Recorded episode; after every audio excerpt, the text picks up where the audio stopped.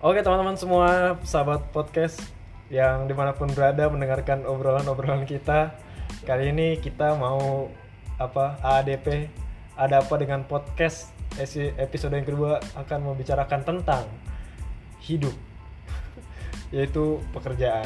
Jadi kita sebagai para pemuda di sini, gue jadi bikin podcast nih, Tung Im, tentang salah satu problematika Indonesia. Kalau kesah. Ya, kalau kesah problematika di Indonesia ini adalah salah satu yang namanya mental breakdown ataupun bahkan ketidakpercayaan diri. Miskin akan ketidakpercayaan diri. Contoh nih, lu mau jadi ini. Kan orang itu ada dua, ada idealis atau ada eh, ada idealis, ada rasionalis. Kalau rasional itu kan sesuai dengan sesuai sama keadaannya dia. Tapi kalau idealis itu kan gua kekeh mau jadi diri gua apa yang berdasarkan target-target gua. Ya, Nah, tapi kadang-kadang ada gini, gara-gara omongan orang yang mengompori, pada akhirnya mau jadi realis takut, mau jadi idealis juga takut. Kira-kira lu punya kisah sendiri nggak tuh tentang yang pada akhirnya gue mau sebenarnya gue mau kayak gini tapi gara-gara satu hal yang seperti apa gitu akhirnya lu mundur perlahan gitu Mungkin kita dari awal kita definisi defisin, definisikan definisikan ya apa itu idealis, apa Ah. itu rasionalis. rasional- Ya, rasionalis itu. Mungkin. kalau menurut gue idealis itu lu kekeh dengan pendirian lu. Sebenarnya rasionalis juga punya pendirian tapi lu fokus sama oh yang gue mau tuh yang gue targetin yang mau gue lakukan ini ini ini ini. Demi? Demi dirinya sendiri. Sebenarnya dua orang ini melakukan itu demi dirinya sendiri. Contoh kalau yang realis realis itu lebih ke menyesuaikan dirinya dengan keadaan sekitarnya contoh kalau idealis walaupun sekitarnya mau seperti apa dia Dia tetap mendorong gue maunya seperti ini memegang eh memegang teguh pendirian. kependiriannya dia Pendiriannya. gitu sebenarnya sama cuman kalau realis tuh lebih kayak menyesuaikan lah oh gue kayaknya udah butuh ini nih gue harus ngakuin ini gitu kalau realis. kita harus idealis situasi. itu. kalau itu realistis Realistis. keadaan gitu iya Maksudnya iya tetap kita harus melihat eh, situasi kita ma- masuknya ke pemegang teguh idealis atau realistis realistis, Realistis. gitu loh.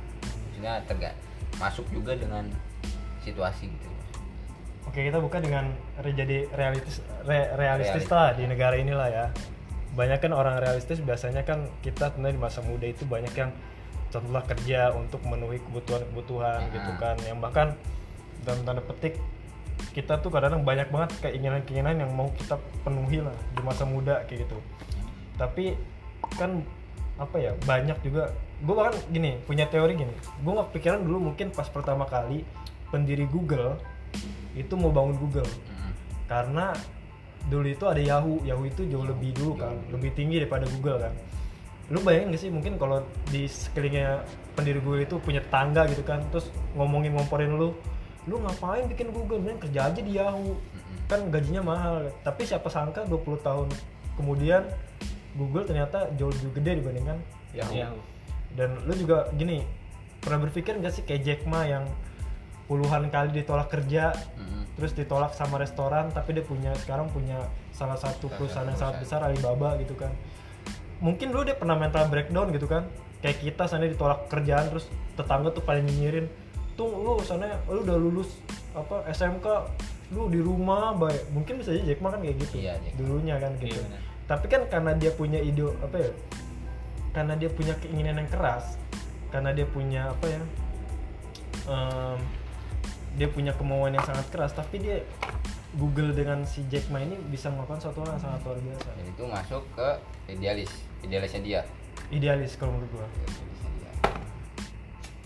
karena apa namanya dia kuat dengan itu mungkin dia suatu, suatu ketika dia mau jadi realis realistis karena apa namanya melamar kerja tapi pada akhirnya dia kembali ke idealisnya Idealis. itu karena dia pada akhirnya bisa maju Nah, sama kayak Google bahasa kayak gitu Berarti dia mengetahui situasinya dong. Hmm, Bener sih. Tadinya mau ikut real, realistis, realistis realistis, realistis itu. Tapi dengan Keadaan. dengan keadaan yang seperti itu, akhirnya dia memutuskan dengan idealisnya dia, gitu ya. Hmm. Mungkin dari teman-teman yang pernah mengalami itu. tapi gua gua mau nanya dulu nih selama kalian di sini kan pernah jadi realistis atau idealis? Apa apa sih yang pernah lu rasain gitu selama lu? Contoh lah lu mungkin pernah kerja apa yang pernah lu rasain waktu lu kerja kesulitannya apa pada pada saat nyari kerja? Maksudnya gini cara jadi realistis tuh susahnya apa gitu? Contoh gua selama jadi realistis nyari kerja susah gitu. Ataupun ya sekalipun dapat kerja mau nggak mau mengorbankan satu hal contoh kayak waktu Onyong cerita itu nyong yang Iya. sholat akhirnya susah gitu segala macem gitu kan tapi kalau mau jadi idealis juga susah karena otomatis lu akan menerima banyak tuntutan dari orang sekitar lu kira-kira lu punya pengalaman tersendiri gak? Gitu. kalau gue idealis gue ya tetap dalam suatu pekerjaan gimana caranya gue dapat kerjaan tetap menjalanin lima waktu gue sama sholat jumat Hmm. itu idealis gue sampai sekarang dan alhamdulillah sekarang kerjaan gue ya kan eh bukan sekarang. Dari dulu dapat kerjaan yang alhamdulillah mendukung idealis gue gitu. Hmm. masih bisa sholat jumat masih bisa lima waktu gitu ya. Sampai sekarang sih gue belum apa namanya ya belum punya keluh kesah. Paling keluh keluh kesahnya eh, struktur pekerjaan kali ya Hmm. Ya, dengan kerjaan yang harus begini harus begini tapi kan ada langkah baiknya kerjaan itu keluar dari zonanya kali ya cuman kan tetap ada SOP-nya setiap pekerjaan itu ada SOP-nya maksudnya keluar dari zonanya tuh gimana tuh? Eh, misalkan kalau ini misalkan SOP-nya kurang baik Hmm. kenapa kita nggak uh, keluar dari SOP-nya keluar sedikit kita melakukan kebenaran gitu loh. Out of the box lah ya? Out of the box. Oh. Tuh, gimana tuh? Punya pengalaman seneng nggak tuh? mungkin lu selama jadi gojek atau apa Gue duluan. Gue nggak, gue masih belum ini masih belum belum dipikirin. paham Enggak, bukan belum paham, paham cuman masih agak dipikirin. masih lagi dipikirin Masih Oke. kurang sedikit-sedikit lah paham. Oke, sekarang nih gue tadi nonton Watchdog ya ngeliat keadaan Indonesia gitu. Jadi ada yang namanya em, eh, PHK massal waktu COVID-19 gitu kan. Gue ngeliatnya ada satu hal yang gak adil. Contoh, gue nggak, contoh gue nggak ini ya, Mat. Ada anak muda yang gajinya gede, sedangkan banyak ibu-ibu yang kerja itu gaji kecil pendapat tuh gimana mengenai keadaan seperti itu bahkan banyak ibu-ibu yang kena PHK di perusahaan-perusahaan kecil bahkan ibu-ibu itu apa namanya kondisinya jauh lebih membutuhkan dibandingkan Anak muda. anak muda kayak kita anak muda itu kerja atau dia menghasilkan pekerjaan itu Kerja. sendiri? Kerja Kerja. di suatu perusahaan yes menurut lo adil gak sih tergantung kebijakan dari perusahaan ya kalau begitu ya Hmm. ujungnya kalau misalkan ngomongin adil nggak adil toh misalkan perusahaan itu mau maunya kerja yang ada di perusahaan itu ya anak muda mungkin nggak adil buat si ibu-ibu itu mungkin ya Hmm. mungkin ya kan ya kalau menurut gua ini baik lagi ke perusahaannya sih. Ya kan? Kalau misalkan kita ngomongin ekonomi Indonesia ya bisa panjang sih bisa luas ya, ya kan?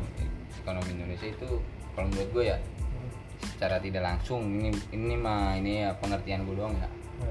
Masih ditahan oleh pemerintah kalau menurut gue karena banyak pekerja yang melakukan pekerjaan tapi tidak tidak dapat bayar dengan bayarnya sesuai. bayar yang yang sesuai dengan pekerjaannya gitu. Hmm. ya. Ya banyak lah. Bukan dari kesalahan pemerintah sih sebenarnya sih. Banyak orang-orang yang masih memikirkan dirinya sendiri gitu loh kalau menurut gue kalau pemerintah disalahkan ya mereka sudah melakukan kewajibannya dengan tugas-tugasnya gitu. Tapi masih ada tangan kanan eh tangan kanan tangan-tangan yang kotor gitu contohnya dari petani ya kan? Hmm. petani menjual hasil pangannya ke pasar. Tapi proses yang utama kan eh, proses apa namanya? Tengkulak. Tengkulak ya? Tengkulak ya apa sih? Pengumpul pengumpul. Pengumpul pengumpulnya itu. Bandar ya. Jadi eh, gimana ya ngomongnya? Bahasanya gue agak ribet nih. Kesannya gini ya gue potong dulu sebentar sorry. Em,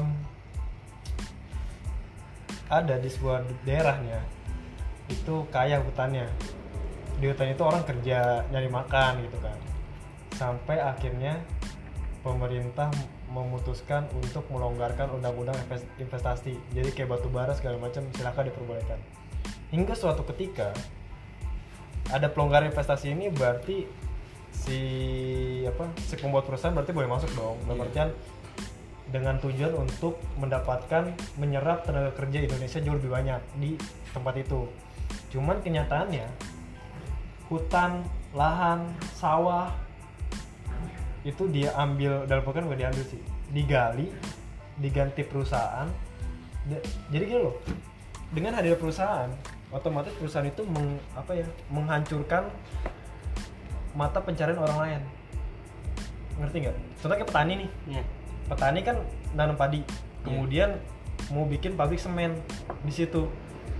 Tanah pertaniannya diangkut pabrik semennya berdiri tapi petaninya gak bisa nyawa lagi dong. Akhirnya dia yang terpinggirkan. Saat dia mau ngelamar bahasanya dia nggak punya ijazah. Kira-kira gimana? Ya Padahal- seharusnya ada kebijakan dari perusahaan. perusahaan itu minta ganti rugi. Ah entah itu ganti rugi atau atau, mendapat pekerjaan. biar si petani itu dapat pekerjaan memenuhi kebutuhannya sehari-hari. Misalkan kita punya perusahaan mau bangun perusahaan kita harus menghancurkan satu lahan yang buat kehidupan mereka lancar gitu. Kita stop Sejahtera. karena perusahaan kita terbangun.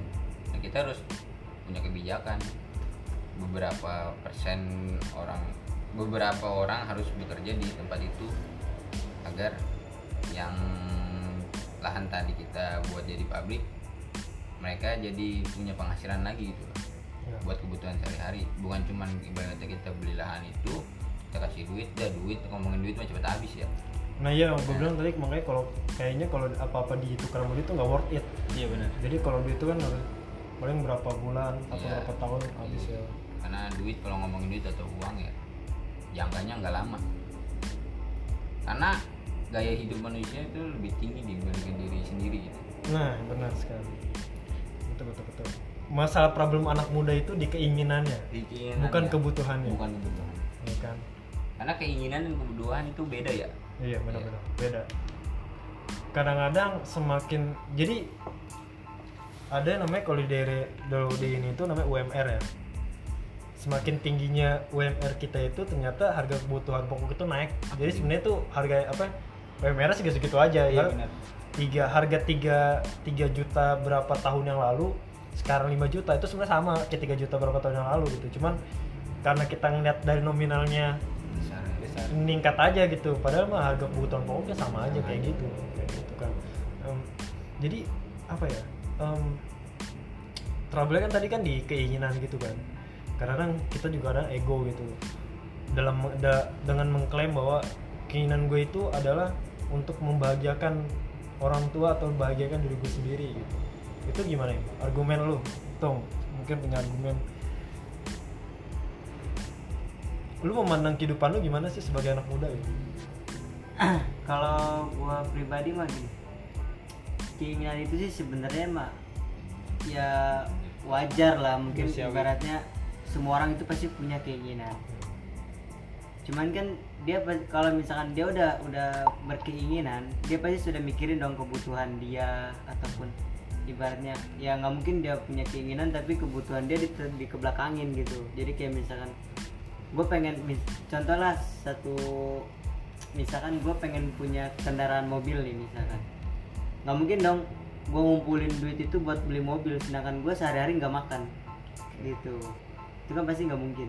Berarti kan kalau kayak gitu gue udah udah udah memanage lah ibaratnya gue udah udah ngatur semuanya gitu. Itu dulu bodoh kalau misalkan dia masih meninggikan keinginan dia ditimbang kebutuhannya ya berarti dia bodoh. Tapi banyak kan? Tapi itu iya di zaman ini banyak. Banyak orang yang kayak gitu banyak. konyol ya bukan bodoh ya konyol. Konyol.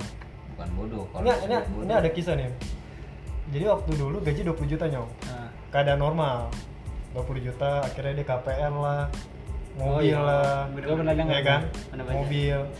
Pada akhirnya ketika gaji dia turun 10 juta di pandemi kayak gini auto miskin. Secara kebutuhan dasar karena duitnya habis buat keinginan. Itu gimana menurut lu? Mandang kayak gini. Dia kan berarti udah manage sebenarnya. Iya. tapi mungkin dia tidak memperhitungkan ya kalau kalau menurut gue itu belum belum belum benar-benar matang ke ibaratnya yang udah di manage sama dia itu belum belum benar-benar matang. Misalkan kenapa gue bisa bilang kayak gitu? Karena dia nggak memikirkan situasi kayak gini loh. Maksudnya kayak dia udah udah ibaratnya kalau itu bukan keinginan menilai gitu mah udah berlebihan kalau menurut gua. Karena dia mengandalkan ya emang sih kalau dipikirin itu dia misalnya punya duit 10 juta. Dia me, ibaratnya cicilan-cicilan gitu taruhlah 10 juta lah ya. Ya atau 9 juta lah ya dengan gaji dia yang sekarang itu mungkin itu semua ketutup. Tapi dia nggak nggak mikirin gimana nantinya kalau misalkan dia kena PHK ataupun ya kayak gini situasi kayak sekarang. Itu kan berarti dia meleset dong dari perhitungan dia. Kalau misalkan dia kalau dari jauh-jauh hari udah mem- memperhitungkan itu ya ini nggak bakal terjadi. Jadi misalkan kayak semacam dia punya gaji 20 juta nah keinginan dia cuma 5 juta gitu maksudnya keinginan yang cicilan itu. Pasti kan kalau misalnya terjadi kayak gini 10 juta dia ada lebihnya dong 5 juta itu buat kesehariannya gitu.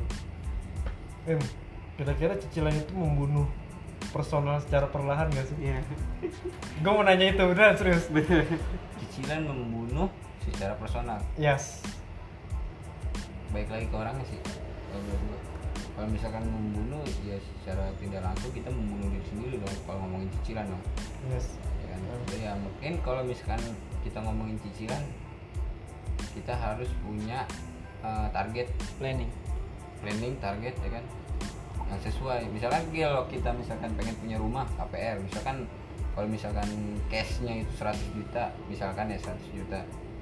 Cuman kita dengan cicilan lebih murah mungkin lah. Kita ngitungnya lebih murah ya. Kebanyakan Indonesia kan? Lebih ringan lah. Ya lebih ringan lah. Maksud saya gini, ringan secara pembayaran doang Tapi Iya. secara total mah lebih mahal kan Iya. Iya.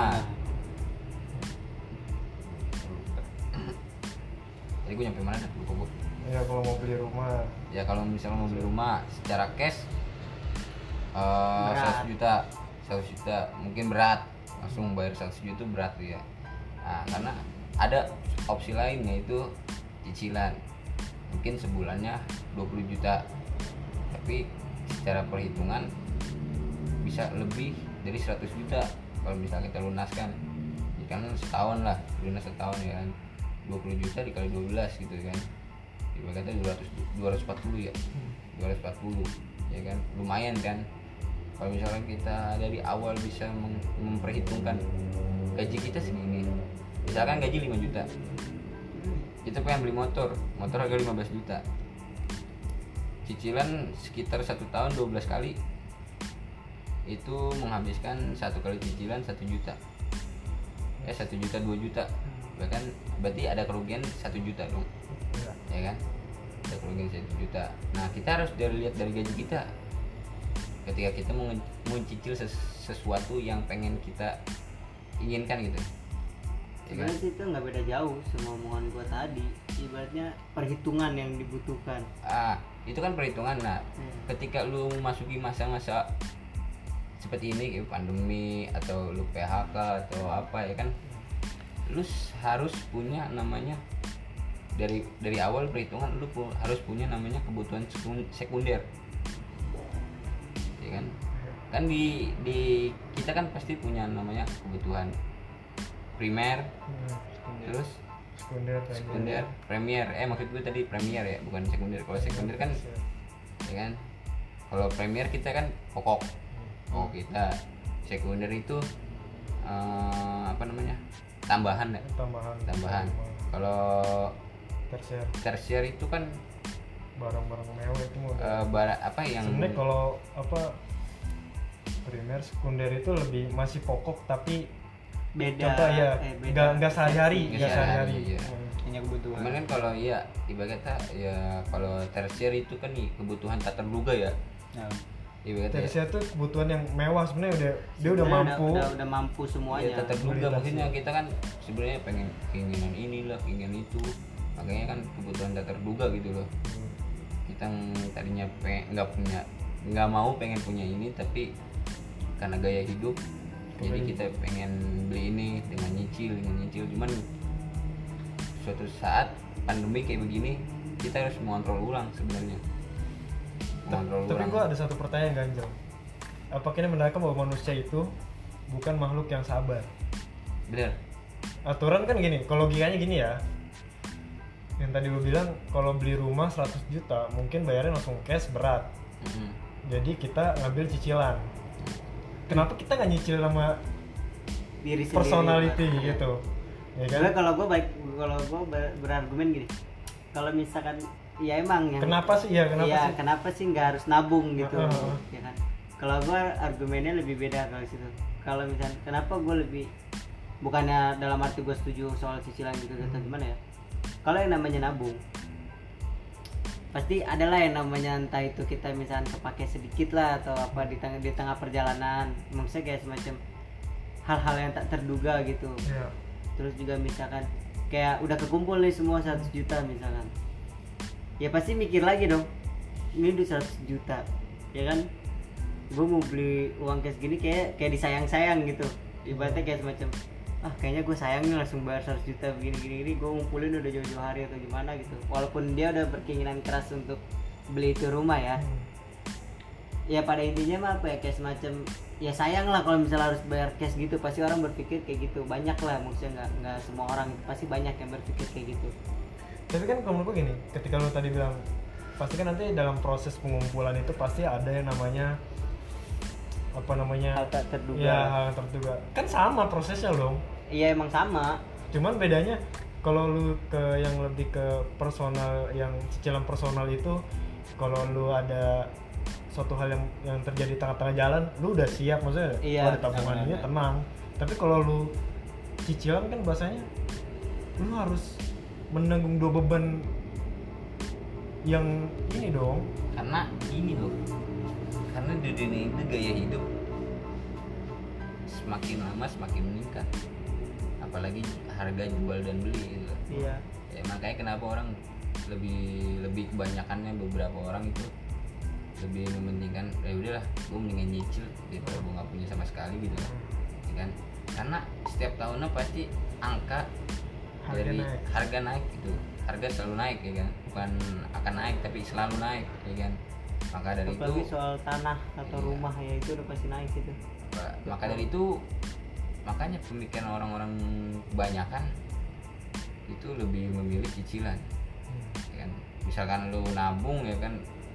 Di tahun 2020 misalkan harga rumah itu 100 juta ya kan?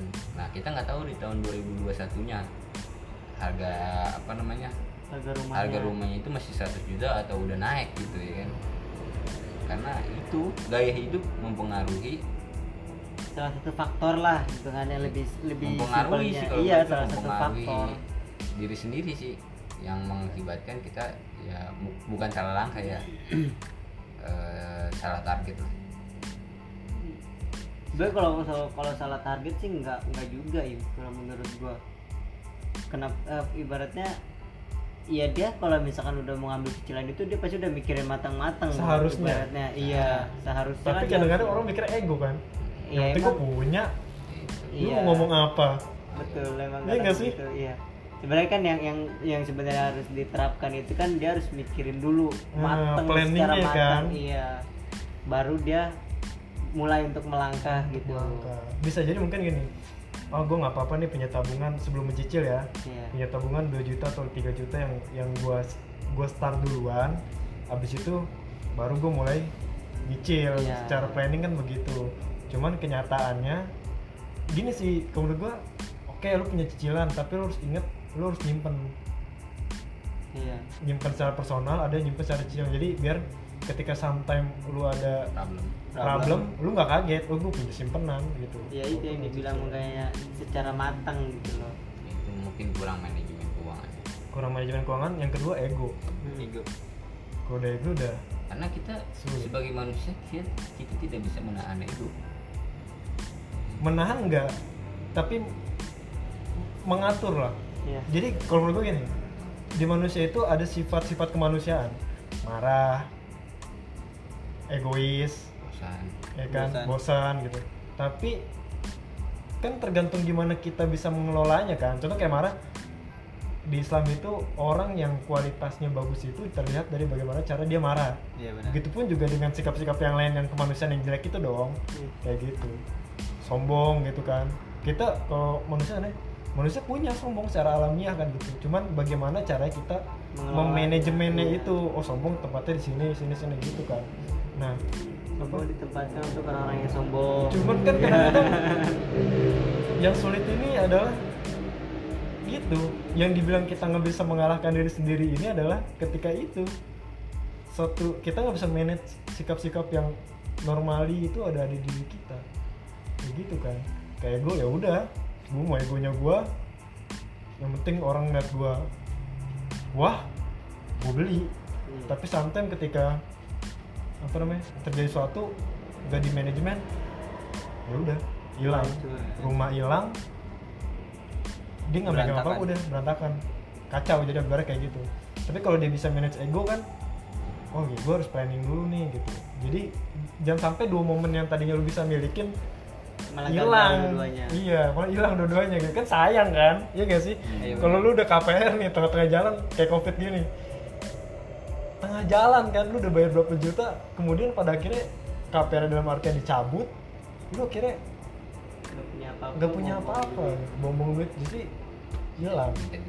Dispensasi lah. Enggak.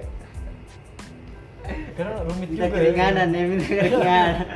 Dispensasi lah jadi rumit ya tentang kehidupan manusia. kehidupan, ya, kehidupan manusia itu rumit. Makanya kan dibilang ada pepatah itu apa ya melawan diri sendiri itu yang paling sulit lah bener Iya kalau kalau kata Iwan Fals keinginan dari sumber penderitaan.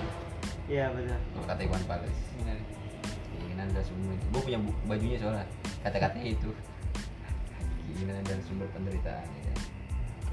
Kalau kita nggak beringin ya kita nggak bisa punya apa ngerasain penderitaan itu. Oke, pertanyaan terakhir.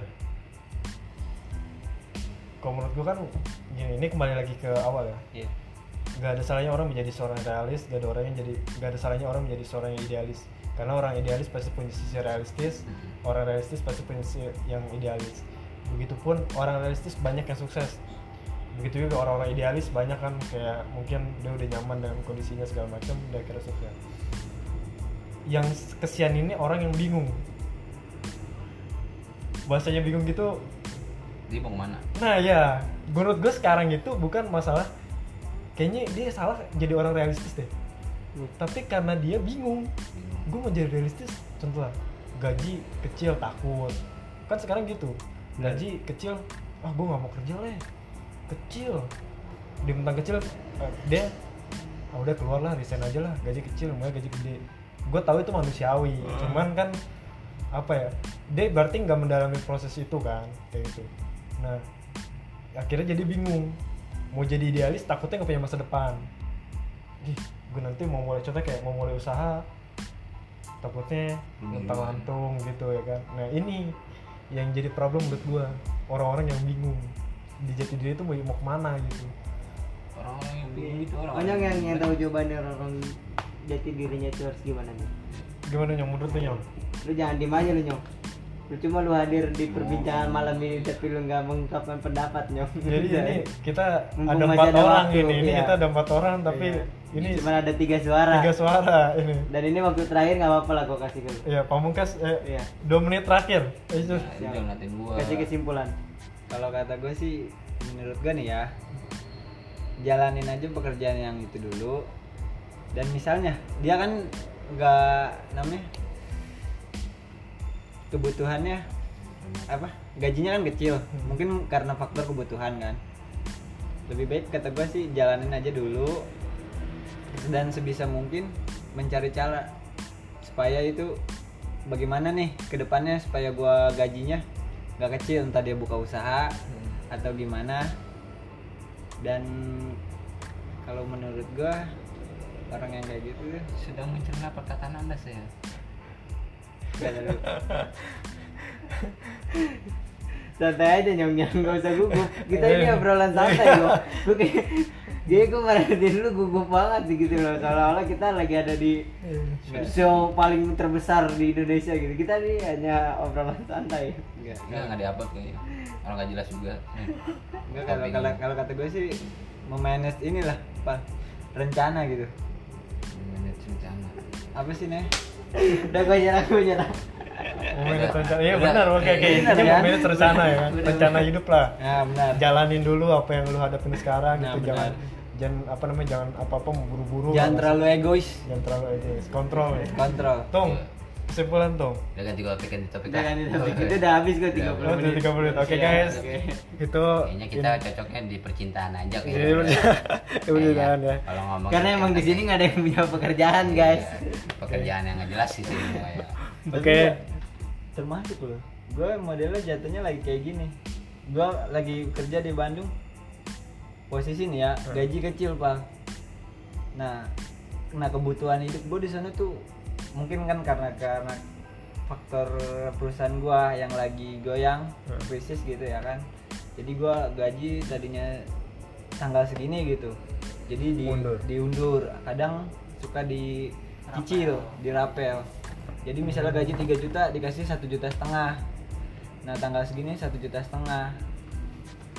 Dan ada gue kepikiran gue minjem duit nih ke bank gue minjem duit ACC. segini. iya ACC.